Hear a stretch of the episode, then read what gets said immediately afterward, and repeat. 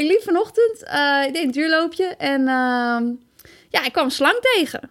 En uh, ja, nou ja, dus die slang die, uh, die kwam gewoon het pad op. En toen ik zag die slang en ik dacht van, oh, dat is een slang.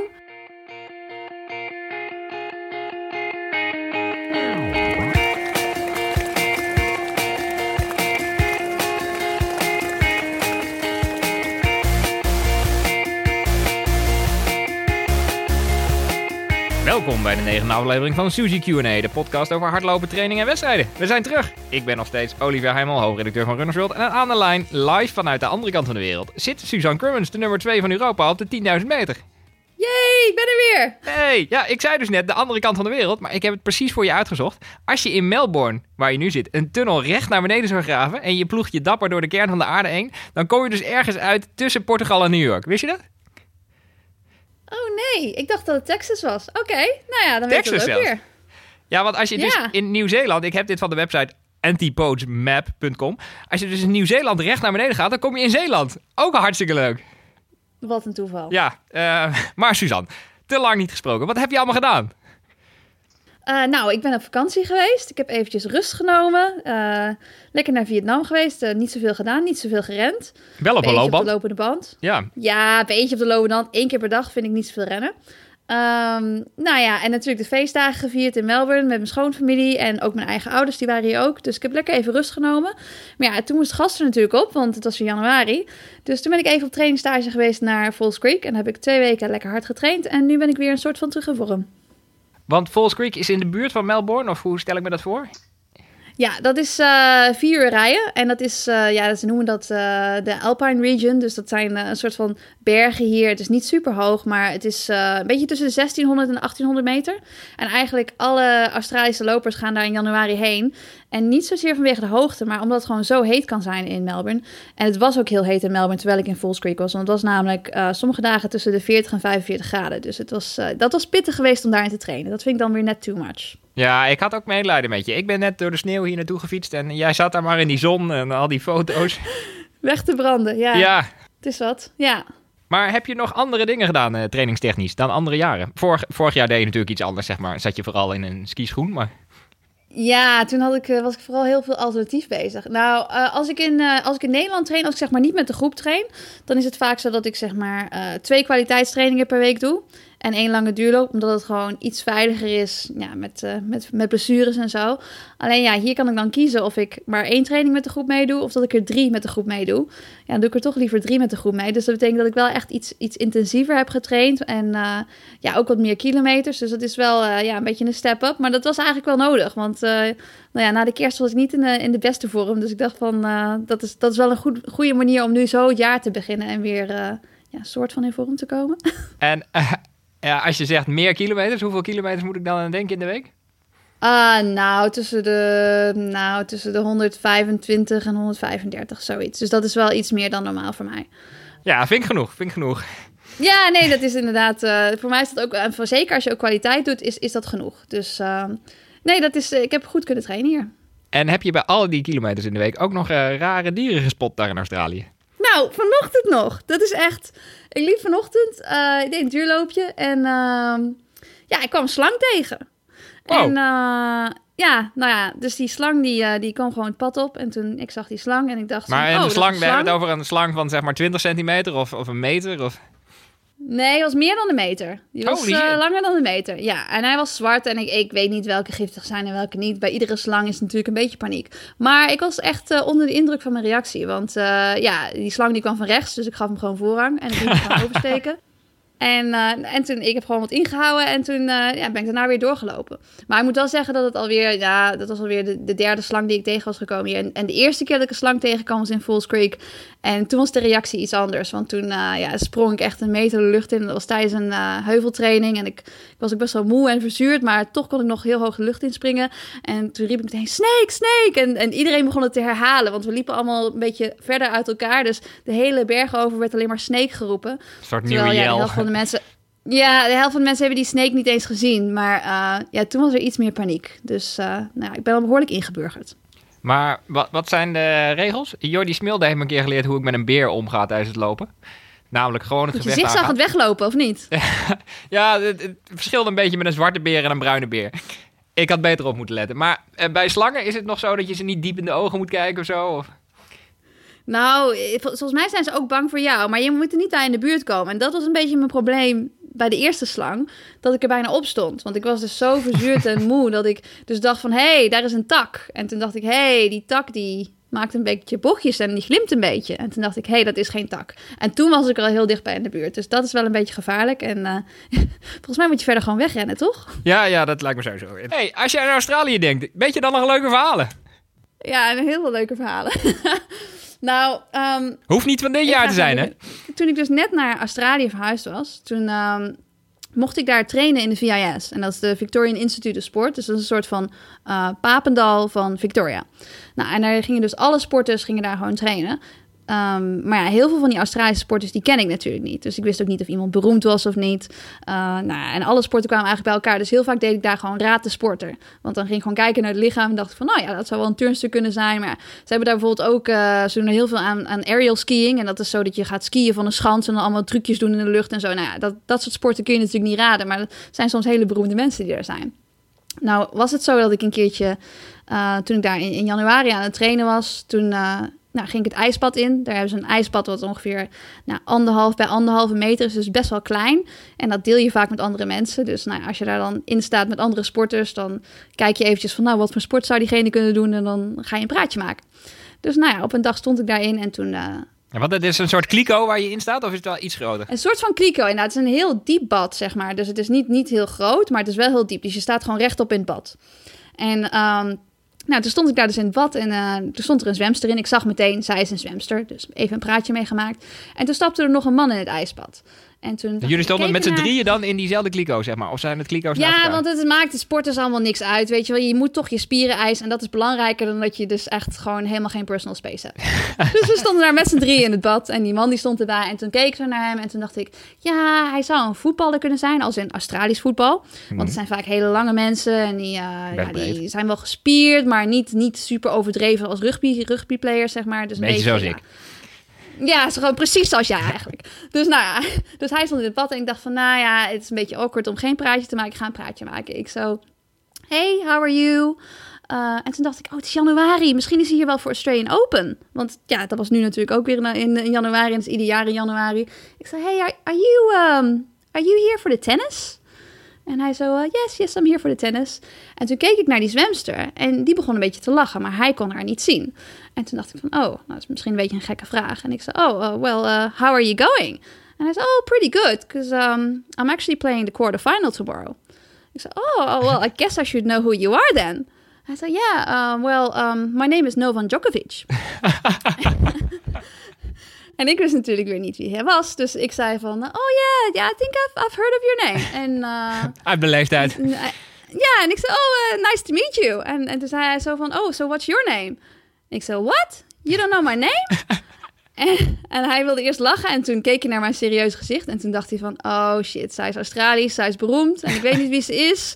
Dus ik bleef hem gewoon strak aankijken. En toen begon de zwemster natuurlijk te lachen. En toen zei hij, oh, wait a minute, you are joking with me. Ik zei, ja, ik ben niet beroemd. ja, dat is dus mijn... Uh, mijn ijspad met Novak Djokovic. En uh, ja, sindsdien, want volgens mij was dat voor dat jaar won hij dan voor het eerst uh, Australian Open. En sindsdien heeft hij iets van zeven keer gewonnen of zo. En uh, ja, terwijl wij in Falls Creek aan het trainen waren, gingen we natuurlijk iedere avond tennis kijken. Dus nou, ik was in de finale voor Novak Djokovic en hij had weer gewonnen. Dus dat was heel leuk. Uh, maar, maar, stapte hij uit dat bad, zeg maar, na jullie korte gesprekje? Of uh, hebben jullie toen nog gepraat over het leven? En, uh, nou, hij heeft me niet uitgenodigd voor de players. hij heeft me niet uitgenodigd voor de playersbox. En blijkbaar was het een slecht teken. Dus misschien heb ik toch niet zo goed gemaakt. Ja, nee, het vergaat jou in ieder geval beter dan mij het in bubbelballen vergaat. Want ik zat een keer in Portugal met... Uh, toen was ik in mijn eentje in Portugal, in Valencia, je kent het. Ja, In Alphamar. En uh, ging in een bubbelbad zitten met allemaal Russische atletes. En ik denk, die oh, zijn vast ook beroemd. Dus ik ga zitten en ja, na, na, vijf minuten dacht ik misschien toch wel leuk als ik zeg... Hello, how are you? Zeg maar. En toen stapten ze allemaal op. Gewoon, ik zat opeens helemaal alleen in dat bubbelbad. uh, maar goed, oh, iedereen zoals je Hoe kom je alleen in een bubbelbad? Ja, ja het is... Uh... Ja. Maar ben je nu fan van. Djokovic of niet? Nou, ik ben sindsdien wel een beetje fan, want hij was, hij was wel grappig. En we hebben wel gewoon nog een beetje een, een leuk gesprek over ditjes en datjes gehad. Maar uh, ja, het was natuurlijk... Uh, ja, ik volgde tennis op dat moment niet. En, en ik vind het heel leuk om live sport te kijken. Maar op tv ben ik er minder fan van. En sindsdien ben ik ook een paar keer naar Australian Open geweest. En daardoor nog wel nog meer fan van tennis geworden. Maar ja, ik vind het nog steeds veel leuker om het live te zien dan uh, op tv. Hey, iets anders. In, in, in verhaal in de volgende Runners World, ik heb voorkennis, las ik dat Bart van Nuenen, Nederlands snelste hardloper op de uh, marathonloper op, in 2018, zijn ukulele meeneemt op trainingstage. En nou vroeg me af, speel je ook een instrument? ja, nou uh, nee, ik ben echt helemaal niet muzikaal. Dus ik heb nooit een instrument gespeeld. Ik heb wel heel veel sporten gedaan. Uh, ja, van alles, zeg maar skiën, tennis. ik heb zelfs op circusles gezeten. Wat Dus, heb je geleerd op circusles? Nou, uh, op een eenwielerfiets, zeg maar allemaal hele nuttige dingen. Op een eenwieler fietsen. En dat kan je ook op een eenwieler? Ja, nou, ik heb het nu al een tijdje niet meer gedaan. Um, ik wilde graag een, een eenwieler hebben, zodat ik uh, daarmee naar school kon fietsen. Maar mijn ouders vonden dat toch niet zo'n goed idee op dat moment.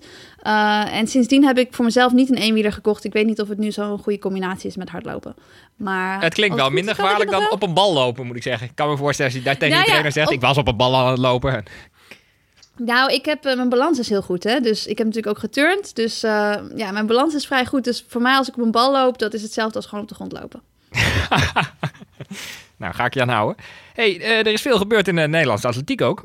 Julia van Veldhoven plaatst zich dit weekend voor het EK Indoor op de 3000. Heb je het gezien?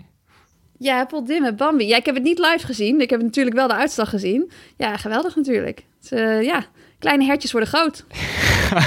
Lisanne de Witte plaatst zich overigens ook op de 400 meter. Een iets minder grote verrassing, wat mij betreft. En mijn uh, zesjarige dochter Elisa, dat uh, kan ik niet onvermeld laten, maakte dit weekend haar uh, atletiekdebuut op de indoormeerkamp. Ja, dat was fantastisch. Vet. Ja. ja. En welke onderdelen? ze begon met, ja, ik was ook een soort jurylid, daar was ik me niet van bewust, maar je doet er gewoon mee als ouder, hartstikke leuk. Um, ze begon met hoogspringen. Ze had nog niet de, de Fosbury-techniek, maar, maar voor de rest was het om door een ringetje te halen. En het ging door met uh, 35 meter sprint. Het was een kleine gymzaal, hè. En uh, 35 meter horde en toen het balgooi. Oh, oké. Okay. Dus geen, geen lange afstand nog. Jammer. Nee, nee. Ze kan wel komende zondag aan de bak in Bokstel, maar ik weet niet of we dat gaan doen. Want ze zit pas twee weken op atletiek, hè, maar ze heeft helemaal de smaak te pakken. Ik zag wel trouwens hoe klein de Nederlandse atletiek is, ook bij pupillen. Want in het kleine groepje wat ik dan begeleide, zeg maar, zat ook het neefje van mijn collega Imo. Bleek later. En de dochter van Stefan Beumer, die vroeger ook een hele goede 800 meter loper was. Small world. Precies. hey, um, nog iets. Jip Vastenburg gaat haar marathondebuut maken. In Valencia. Ja, leuk. Ja, ja in Valencia. In die mooie stad, ja. Ja, dat is leuk natuurlijk. Ik ben heel benieuwd. Heb je er ook wel eens gelopen, of niet, in Valencia? Uh, nee, ik heb daar nooit een wedstrijd gelopen. Ik ben wel in Valencia geweest, maar uh, nou ja, toen uh, was ik geblesseerd. Dus ik heb zelfs niet echt kunnen rennen daar. Maar het is wel een hele mooie stad. En het lijkt me echt wel leuk om daar een keertje wedstrijd te lopen. Het is ook en een hele snelle marathon, begreep ik. Ja, dat wilde ik net zeggen. Volgens mij is het een heel snel parcours. Dus nou ja, ze heeft goed getraind. Dus nou ja, ik ben benieuwd. We gaan het volgen. Oh, het is tijd voor ons eerste segment, hoor ik. Ask Suzy. Stuur je vraag in, dan beantwoordt Suzanne die hoogstpersoonlijk in de uitzending. Ik heb uh, vragen via Instagram verzameld natuurlijk. Een vraag van Irene Hommels. Train je op hartslag? En zo ja, waar let je dan op? Behalve op je hartslag dan natuurlijk. Uh, op hartslag. Ja, e- eigenlijk maar één keer per week. Want eigenlijk is het alleen maar als ik een threshold run doe. En die doe ik iedere, iedere week doe ik daar één van. Uh, en dan ja, loop ik op een hartslag. Die is ooit getest. Wat dan zeg maar mijn omslagpunt is. Dat je nog zeg maar het, het anaerobe systeem niet de overhand neemt. Dus dat je zeg maar niet verzuurt. Oké, okay, ja, ja. Ik, het werd niet duidelijker van de uitleg. Maar inmiddels... het is dus bij je drempel... ja, dat is... nou goed, dat je dus gewoon niet naar de tering gaat. Um, dus... Dus die, uh, die hartslag, dan let ik wel heel erg op de hartslag. En dat vind ik ook echt wel heel belangrijk. Maar ja, er zijn natuurlijk ook atleten die uh, tijdens iedere duurloop op een hartslag letten. Uh, daar ben ik niet zo van, want ik, ja, ik, ik geniet liever een beetje van de omgeving. Dat ik aan het lopen ben, dat ik aan het kletsen ben. Ik ben liever afgeleid. En dan uh, let ik gewoon op mijn gevoel. Dus nou ja, ik weet wel op, op bepaalde dagen dat ik wat rustiger moet lopen. Of, of dat ik juist wat sneller kan lopen. En ik heb ook wel eens aan Nick gevraagd van... Nou ja, hoe snel wil je eigenlijk dat ik mijn duurlopen doe? Dat was eigenlijk toen ik net bij de groep kwam. En toen zei hij van ja, uh, I really uh, don't give a shit hij zei van je moet er gewoon klaar voor zijn als je weer een zware training doet. Als je er dinsdag maar weer klaar voor bent. Dus je moet wel uitgerust zijn, maar je moet ook je kilometers maken. Dus um, ja, op die momenten let ik niet echt op mijn hartslag en, en weet ik gewoon ja, wat mijn lichaam voor een aanwijzing geeft hoe hard ik moet lopen. Ik, ik begrijp het. Ik eh, loop zelf trouwens ook nauwelijks op hartslag. Voor iedereen die dat wil weten. Ehm Sander Paap, wat is een belangrijke do en een don't voor jou de dag voor een belangrijke wedstrijd? Een do en een don't. Ah, een do. Ah, voetjes van de vloer. je moet een beetje uitrusten natuurlijk. Dus, eh, dus ja, ik ga, niet, eh, ik ga niet een hele dag winkelen of zo de dag voor de wedstrijd natuurlijk. Tafelvoetballen. Eh, wat, ja, tafel. Nee, dat is echt veel te intensief. Dat kan echt niet. Ehm, maar tegelijkertijd zorg ik ook wel voor dat je zeg maar een beetje, ja, als je de hele dag een beetje gaat zitten en hangen, dan, dan kun je vanzelf een beetje vastroesten, zou ik maar zeggen. Dus ik zorg er wel voor dat ik een beetje die mobiliteit behoud door zeg maar allemaal draaibewegingen te maken en zo. En nou dat je wel een beetje soepeltjes de volgende dag aan de start staat. En uh, qua voeding zorg ik altijd voor dat ik niet iets heel spannends ga eten. Niet opeens iets heel heets of met heel veel vezels. Natuurlijk gewoon een beetje veilig houden. Um, ja, en je moet natuurlijk je nagels doen. Doe je nails. Dat, dat is echt een enorme doe. Maar dat doe je de dag voor de wedstrijd? Ja, als het, als het kan wel. Zeg maar, als, het, als het niet zo handig is met, met reizen of zo, dat ik, dat ik dan allemaal de dingen moet meenemen, dan doe ik het niet. Maar als ik zeg maar nog eventjes voordat ik het vliegtuig instap of voordat ik ergens heen rijd, nog even mijn nagels kan doen, liever de dag van tevoren, want dan kan ik het in ieder geval niet uh, chippen voor de wedstrijd. Hoe lang ben je ermee bezig eigenlijk, die nagels? Zeg ik met alle respect. Uh, ja, dat ligt eraan. Als ik, uh, als ik stickers gebruik, dan is het een stuk sneller dan dat je alles met de hand doet. Dus uh, ja, soms dan doe ik een heel snel design. En dat, uh, het ligt er ook eigenlijk meestal aan hoeveel tijd ik heb, wat voor een design het wordt. Stickers? Dus, ja. dus dan doe je een Verschilt. sticker op je nagel en daar verf je dan iets overheen? Of? Ja, dat kan. Of je kunt ook alleen de sticker doen. Als ik alleen de stickers doe, de snelste manier, dan nou, ben ik in 15 minuten klaar. 15? Ja. Zeg maar, een 5 kilometer loop je in dezelfde tijd als je je nagels doet. Ja, dat klopt. is het wel waard? Ja, ja nee, zeker. Um, John Silkes vraagt: um, wat is een goede training om je basissnelheid te verhogen voor een halve marathon? Ik heb zelf natuurlijk pas één halve marathon gelopen. Dus ik uh, wil niet zeggen dat ik daar een expert in ben. Maar ik weet wel dat ik toen uh, ik voor die halve marathon ging trainen. Wat toen anders was dan uh, voor mijn andere wedstrijden in de voorbereiding. Is dat ik een aantal langere trainingen deed met wisseltempo. En een van de trainingen die ik heel zwaar vond. En uiteindelijk ging die halve marathon ook niet zo goed. Dus ik denk dat dat wel een teken was dat ik beter had moeten zijn in die training om het goed te doen. Um, was een 15 kilometer.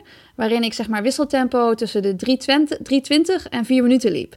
Dus voor mij is dat zeg maar 20 seconden sneller dan mijn duurlooptempo. En een minuut sneller dan mijn duurlooptempo. En dat ging steeds afwisselen, 15 kilometer lang. En het is net niet snel genoeg dat je denkt van, oh, ik ga helemaal kapot. Maar je bent ook niet comfortabel. Dus je zegt Nick altijd, you have to learn to be comfortable whilst being uncomfortable. En het is eigenlijk een beetje dat je ritme wordt onderbroken, maar dat je wel probeert efficiënt te blijven lopen en geen energie te verspillen. Dus ik vond dat een hele goede training in de voorbereiding. Want je ziet ook vaak als het bijvoorbeeld druk is bij de start, dat als er een beetje oponthoud is dat mensen misschien langzamer starten dan ze willen. En als er dan het parcours een beetje open gaat, dat ze dan keihard beginnen te sprinten en helemaal verzuren. En dan ben je dus niet efficiënt aan het lopen. En ik denk dat, ja, dat je eigenlijk moet leren om dat soort klappen op te vangen. En dat kan bijvoorbeeld met zo'n wisseltempo training. Maar daarnaast de thresholds die ik iedere week doe, dat is natuurlijk ook gewoon halve marathon training. Um, maar ja, dat vinden sommige mensen misschien een beetje saai, omdat je dan eigenlijk ja, in mijn geval dan een half uur lang op hetzelfde tempo blijft lopen. En uh, ja, dat uh, lijkt misschien een beetje te veel op de wedstrijd zelf. En wat voor tempo is het dan als je een half uur loopt? Uh, nou ja, voor mij dat is... Ik ga op hartslag. Dus dat verschilt als ik, als ik heel moe ben in een week dan... Nou, ik kan het tussen de, kan rond de 3,35 liggen. Maar als het, als het goed gaat, dan kan het ehm, rond de 3,20 liggen. Wauw. Oké, okay, helder. een vraag van Tijn Piest. Wat zijn je volgende wedstrijden? Ja, de eerste, wedstrijd, de eerste volgende wedstrijd is al bijna, want het is namelijk de school, de Goed uit School, 10 kilometer. Dus uh, ja, dus dat is op 10 februari. En uh, nou, vervolgens ga ik een halve marathon doen, City Pier City in Den Haag op 10 maart. En, uh, Heb je daar al een beetje in verdiept? Nee, ik heb het parcours nog niet verkend. Ik uh, ben wel wat meer kilometers aan het maken natuurlijk, zoals ik al zei. En ik heb ook in Falls Creek veel met de marathonloopsters getraind. En uh, ja, die, uh, die laten we dan alle hoeken van de trail zien op die marathontrainingen. En dan, ja, dan loop ik ze wel weer keihard af op de heuveltraining. Maar die echte marathon, halve marathontraining, daar zijn zij wel een stuk beter in. Dus dat is wel, ja, dat is wel leuk om te zien dat ik daar ook beter in kan worden als ik samen met hun train. Dus wat dat betreft heb ik wel, wel wat meer voorbereid op een halve marathon nu. Dus daar kijk ik wel naar uit, maar ik heb nog even. En uh, daarnaast ga ik ook een 10 kilometer doen bij de Rotterdam Marathon. En dat is voor het goede doel. Voor de Linda Foundation gaan we geld ophalen. Dus dat, nou ja, dat wordt niet mijn piekmoment van het jaar, maar het is wel een hele leuke wedstrijd. Want dan loop je in een groep of dan ga je stiekem toch voor een uh, 31er? Nou, ik ga, ik ga dat dus met allemaal mensen van NN doen. En uh, ik heb nog niet besloten wat voor tempo ik ga lopen. Maar het lijkt me wel heel leuk, omdat ik in de voorbereiding natuurlijk ook meemaak hoe uh, iedereen zich daarop aan het voorbereiden is. En, en wat hun doelen zijn. Lijkt het wel leuk om nou, een paar mensen uit te kiezen die ik misschien kan hazen, die ik kan helpen tijdens de wedstrijd. En nou ja, ik ga niet, niet all-out lopen en, en kijken of die wedstrijd kan winnen. Ik ga veel liever met iemand samenlopen waarbij ik ja, eigenlijk een beetje nuttig haastwerk kan doen. Dus als ik een keer voor je wil eindigen, dan uh, is dit mijn kant. wellicht, wellicht. Ik, nou, misschien sprint ik je er toch nog stiekem hey, een vraag van Rob Viveen. Suzanne, hoe ziet een rustdag er voor jou uit? Rustdag? Ja, dan moet je natuurlijk wel een rustdag hebben. Um, heb je wel eens een rustdag? Of is het gewoon zeven dagen raken in Melbourne? Um, nou, ik heb denk ik vorig jaar heb ik misschien... Ja, kijk... Ja, ik denk dat ik misschien vorig jaar vijf rustdagen heb gehad. En, en daarnaast heb ik Serieus? natuurlijk ook nog een soort Gewoon van... 360 dagen getraind? Uh, nou, en daarnaast heb ik natuurlijk ook nog een vakantie. Maar als je het hebt over losse rustdagen, dan zijn het er een stuk of vijf geweest. Uh, ik plan niet standaard een rustdag, omdat... Uh, nou ja, eigenlijk voordat ik zeg maar overtraind raak, dan gaat er ergens iets piepen. Een pees of een spier. Dus uh, voor mij om overtraind te raken is, is vrijwel onmogelijk omdat er gewoon iets anders van tevoren breekt. en nou, ik, ik, weet nu gewoon wat beter um, hoe mijn lichaam aanvoelt en wanneer ik wat moet gaan cross-trainen. Dus ik heb natuurlijk wel uh, dagen gehad dat ik niet heb gerend. Dus dat ik bijvoorbeeld alleen maar op de elliptical heb getraind of in het zwembad heb getraind. Maar echt een, een dag vrij en die ook echt zo plannen, dat gebeurt eigenlijk niet zo heel veel. Um, vaak zijn dat dagen als ik bijvoorbeeld uh, ergens heen reis en het is een hele moeilijke lange vlucht en kan ervoor en daarna niet trainen. Um, of nou ja, uh, oh, in Melbourne had ik toevallig wel een rustdag. Want toen wilde ik dus gaan cross trainen, omdat ik inderdaad een beetje een pijntje had. En ik dacht van, nou, ik kan beter misschien morgen gaan cross trainen. En toen was de gym dicht, dus toen kon ik niet cross trainen. Dus toen had ik een rustdag. Dus kan je vertellen wat ik toen heb gedaan? Wat heb ik toen gedaan? Ja. uh, ik heb uitgeslapen en ik ben naar het strand geweest. Ik ben naar de markt geweest. Dan heb ik allemaal lekkere verse ingrediënten gekocht. Toen heb ik wel een dutje gedaan. Want ik ben gewoon zo gewend om een dutje te doen. Dat ik, ook als ik niet train, moet ik nog steeds een dutje te doen. Bed stond toch? Ja ja, daarna heb ik rice paper rolls gemaakt. En uh, dat was het. Het is niet zo heel spannend. Nou, je kijkt er wel, heel gelukkig bij. Ja, nou weet je wat is? Een rustdag is ook als je, als je moet uitrusten, dan zou het gek zijn om je, om je rustdag helemaal vol te plannen met allerlei activiteiten. Want nou ja, dan is het dus geen rustdag meer. Maar je, bent niet, uh, je hebt geen running streak die je levend probeert te houden, zodat als je dan een lange vlucht doet, dat je nog door de vertrekhal gaat lopen. Helemaal baat.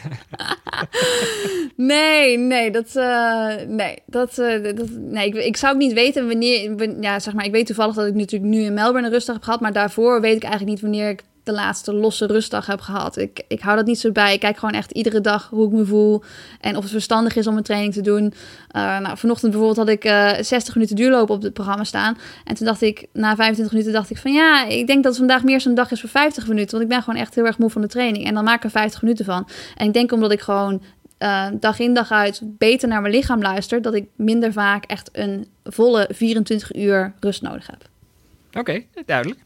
Uh, dan een vraag van Jacco van der Brink, denk ik, want Instagram liet de klinkers voor me weg. Uh, de vraag is: wij willen naar Tokio om jou aan te moedigen. Waar heb je wat aan? En dan vooral qua aanmoedigingen. Zeg maar, zijn er Hup? speciale teksten? Hup, ja. Je kan nou, het. Als je Hup Suzanne hoort, dan uh, is het Jannik, denk ik. Jacco, sorry. Um, hij heeft ook nog een blessurevraag. Ik wil oh. naar drie, vier trainingen in de week ter voorbereiding van de Rotterdam Marathon. Ik merk dat mijn net iets te zware lichaam moeite heeft om geen knie- en shinplint-klachten te ontwikkelen. Wat kan ik doen om mijn lichaam toch aan die vierde of vijfde training te laten wennen? Nou ja, elliptical is natuurlijk, dat lijkt best wel veel op lopen en daar heb je niet die impact. Dus dan heb je ja, minder kans op dat, dat je zeg maar last krijgt van shinsplints. Maar daarnaast denk ik ook dat het uh, voor heel veel lopers is het ook handig als je een pijntje hebt, dat je er zelf iets aan doet. Dus niet dat je het zo erg laat worden dat je op een gegeven moment naar de fysio moet en, en dat je dan nou ja, een vol behandelingstraject door moet om weer beter te worden. Want ik heb ook best wel vaak last van shinsplints. En ik masseer dat gewoon ja, zelf. Ik hou die, hou, ja, ja, ik hou die schenen gewoon nog steeds. zo down to earth, hè? Gewoon niet te geloven. je zou op een gegeven moment nee, al denken dat gewoon... je lichaam weet, oké, okay, we gaan weer lopen, maar... Nee, nee, dat, dat gebeurt. Ja, dat is natuurlijk vooral na die voetblessure heb ik natuurlijk wel een beetje een, zwakkere kant. Mijn rechterkant is het eigenlijk altijd waar ik dan last van shinsplints heb. Maar ja, dan moet ik dat gewoon goed loshouden en dan moet ik mijn kuiten ook goed loshouden. En natuurlijk word ik ook wel heel veel behandeld door fysio's. Maar als er dan eventjes geen behandeling, als ik dan even geen behandeling kan krijgen, dan, dan zorg ik er wel zelf voor dat ik allerlei dingen eraan doe en dat ik blijf rollen.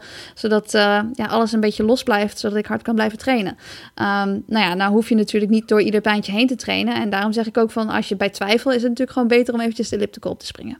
En rollen. En rollen. Heb je ook een vraag voor Suzanne of voor mij natuurlijk? Mail hem dan naar mijn adres olivier.heimel.hurst.nl of laat een reactie achter op ons Instagram-account Suzy Q&A. En wie weet komt jouw vraag dan wel in de volgende podcast.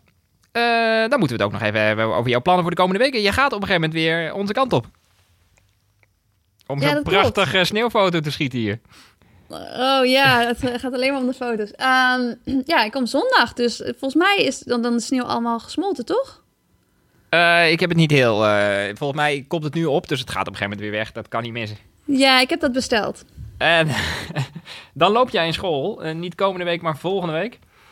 Ja, wat is je doel daar? Ik heb het even opgezocht. Twee jaar geleden werd je Nederlands kampioen. Gefeliciteerd nog. In 31-43. Is dat zo? Ja, jij wil natuurlijk weer een tijd horen. Ja, Maar dan ga ja. ik weer iets roepen en dan moet ik en dat weer doen. ga je later weer appen ja, met, ik weet nee, hoe dat gaat. maar- Ja.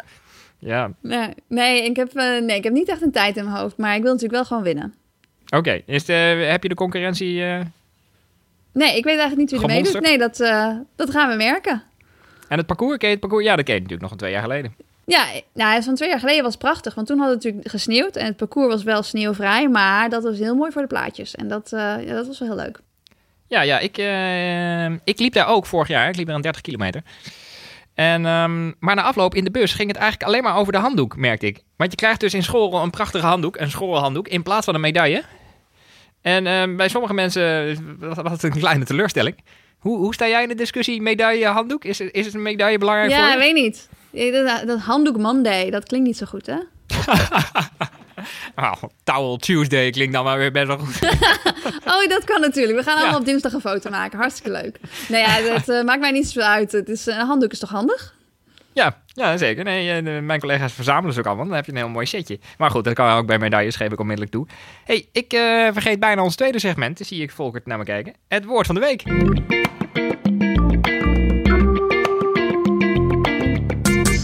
En dat is vegan streaker. Vegan streaker. Ja, ja. Hij was weer in het nieuws dit jaar. Eh, deze week zelfs. Hij is voorzitter van de stichting Konijn in Nood inmiddels. En hij is veroordeeld, dat is dan weer jammer, voor 40 uur taakstraf voor het bevrijden van konijnen uit een fokkerij in Alphen. Het is, ik heb een collega uit Alphen, die zou heel graag bevrijd worden uit Alphen volgens mij. Maar ehm, Peter liep vroeger hard. Heb jij nog een leuk verhaal over Peter? Nou, Peter, die was, eh, die was, toen ik junior was, was hij ook junior. En ik weet nog dat eh, bij het NK junioren, ehm, dat was de stiepel was nooit zo'n populair onderdeel. Dus ik weet dat ehm, om het door te laten gaan, moest je geloof ik drie, drie deelnemers hebben. En om drie medailles te hebben, had je volgens mij vijf deelnemers nodig. Dus ik weet niet hoeveel deelnemers er op de lijst stonden. Maar ik weet nog dat Peter zich had ingeschreven en hij wilde natuurlijk dat doorging. En toen had hij zijn broertje ook ingeschreven. Maar zijn broertje was dus eh, nou, drie maanden jonger of zo. Dus nou ja, wij moesten allemaal ontzettend lachen dat zijn broertje drie maanden jonger was. En ik weet nog dat ik dat aan mijn tweelingbroertje vertelde. Ik zei van, oh, vet grappig verhaal. Heeft zijn broertje ingeschreven, is drie maanden jonger. Mijn broertje zei, ja, en? Ik zei, nou, ja, dat is wel een beetje lastig. Als het echt je broertje is, is dat een beetje lastig als hij drie maanden jonger is. Sowieso. Ik zei, ja, hoe lang duurt de zwangerschap? Hij zo, ja, weet ik veel. Ik zei, ja, langer dan drie maanden. dus ja, dat hele feest is volgens mij toen niet doorgegaan. Ik weet eigenlijk niet of hij toen uiteindelijk heeft kunnen meedoen of dat het, ja, of dat een wedstrijd geweest is. Maar eh, ja, je drie maanden jongere broertje, dat is, eh, ja, dat is niet zo'n goed idee. Had beter een andere geboortedatum kunnen verzinnen. Ik ga inderdaad eens opzoeken of hij, of hij daar gelopen heeft, ja. Ik weet wel dat het later Ja, best ik- een eh, goede stiepelloper werd. ja, ik geloof het ook wel, ja. Ik heb hem vorig jaar ook nog een keer zien lopen zo in zo'n zo'n stierenvechter-arena. Dan zag je nog steeds wel dat hij de nodige snelheid had, ja. Dat hij mooie techniek had. Ja, mooi. hey, ik loop zelf eh, komende weekend 25 kilometer in de midwinter marathon. In Apeldoorn. Heb je daar wel eens gelopen? Nee, ja, het is midden in de winter, hè, dus dan ben ik er nooit. Oh nee, nee dan zit je altijd in Ja. de zon eh, te ploegen met al die slangen daar. Helaas ben ik er nooit. Nee, ja, dat, eh, nee. Nou, dan volgens mij zijn we alweer aan het einde gekomen. Dit was de negende Suzy Q&A. Wij zijn er over twee weken weer. En eh, dank Volkert van Dag en Nacht Media voor de productie. En dank u, beste luisteraar, voor het luisteren. Ook namens Suzanne, blijf luisteren en lopen.